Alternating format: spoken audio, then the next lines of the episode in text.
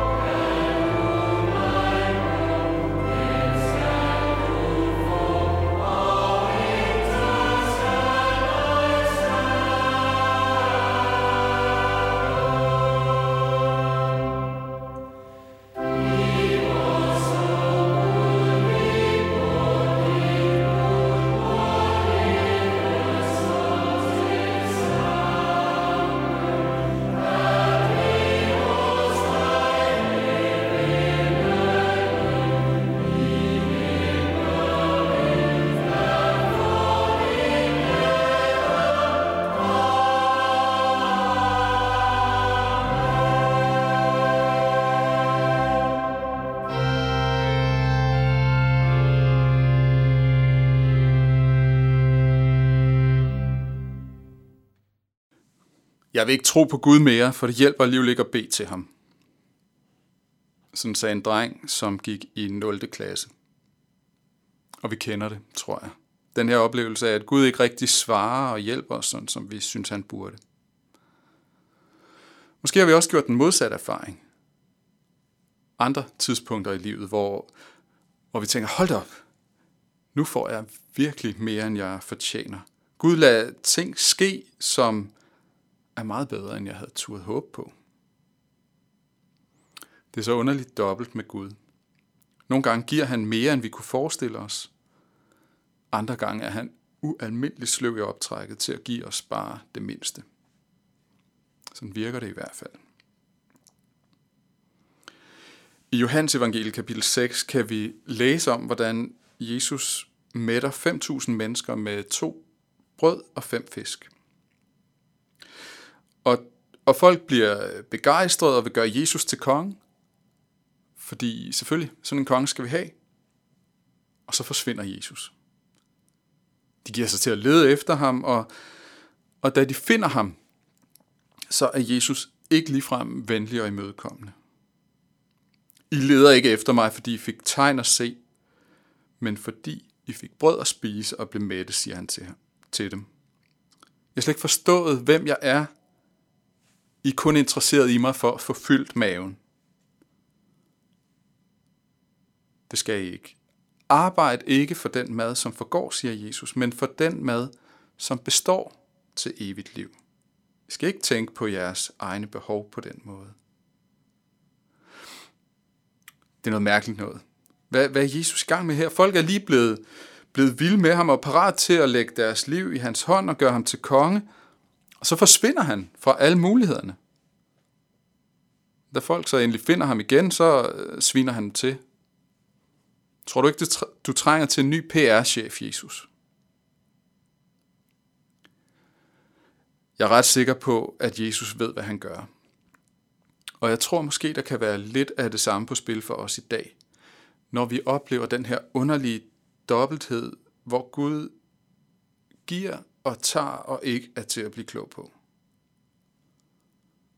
Jesus vil os noget mere end bare at stille vores sult. Arbejd ikke for den mad, der forgår, men for den mad, som består til evigt liv. Han vil mere end bare give brød. Gud vil være mere end bare en lampeånd eller en ønskeautomat, som opfylder vores ønsker. Hvad er det her mere? Hvad er den mad, der består til evigt liv for noget? Jesus kommer lidt ind på det senere i samtalen. Jeg er livets brød, siger han. Den, der kommer til mig, skal ikke sulte, og den, der tror på mig, skal aldrig tørste. Det handler om ham selv. Relationen til ham.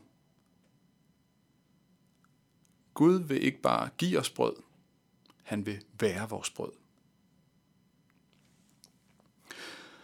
For noget tid siden hørte jeg om en kæmpestor undersøgelse, som man har lavet på øh, Universitetet Harvard i USA. Målet var at undersøge, hvad der skaber et lykkeligt liv. Vi tænker ofte, at lykken er noget med at blive rig og berømt og sådan noget. Få alt det, vi går og drømmer om. Den her undersøgelse vil så finde ud af, hvad er det, der i virkeligheden gør en forskel. Hvordan, hvordan ser det her ud over et helt liv? Man har fulgt 724 mænd igennem mere end 75 år. Interviewet dem igen og igen, lavet taget blodprøver, lavet hjernescanninger, alt muligt har man undersøgt. Og, øh, og undersøgelsen er stadig aktiv, kører stadig. Man startede med to grupper øh, mennesker. En gruppe fra toppen og en gruppe fra bunden af det amerikanske samfund. Og alle de her mennesker har selvfølgelig haft forskellige livsforløb. Nogle er startet på bunden og har ligesom arbejdet sig op. Andre har taget turen den modsatte vej. Den her store undersøgelse har en skarp og entydig konklusion. Det er de gode relationer, som gør os gladere og raskere. Lykken handler slet ikke om rigdom eller berømmelse. Men gode sociale relationer er det vigtigste for et sundt og lykkeligt liv. Gode relationer. Ikke nødvendigvis mange relationer.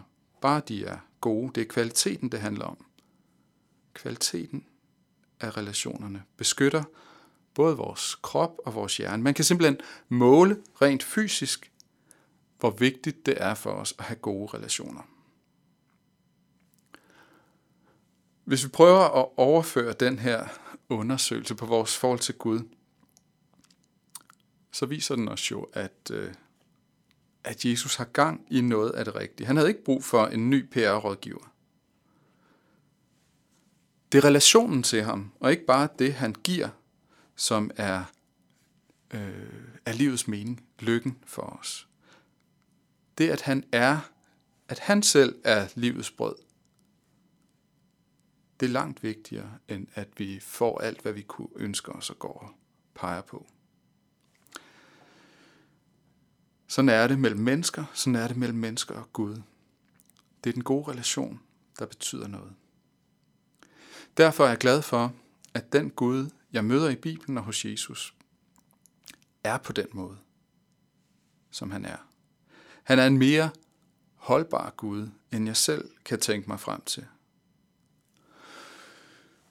Den Gud, som jeg kan forestille mig. Ham, som skal svare på mine bønder og give mig, hvad jeg ønsker mig. Ja, ham, øh, ham kan man faktisk lige så godt lade være med at tro på. Ønskeautomatguden er ikke så meget værd. Og vi ved godt, at den ikke findes. Den Gud, som Jesus kommer med, han lover ikke at give os alt, hvad vi peger på. Men han lover, at vi aldrig skal være alene.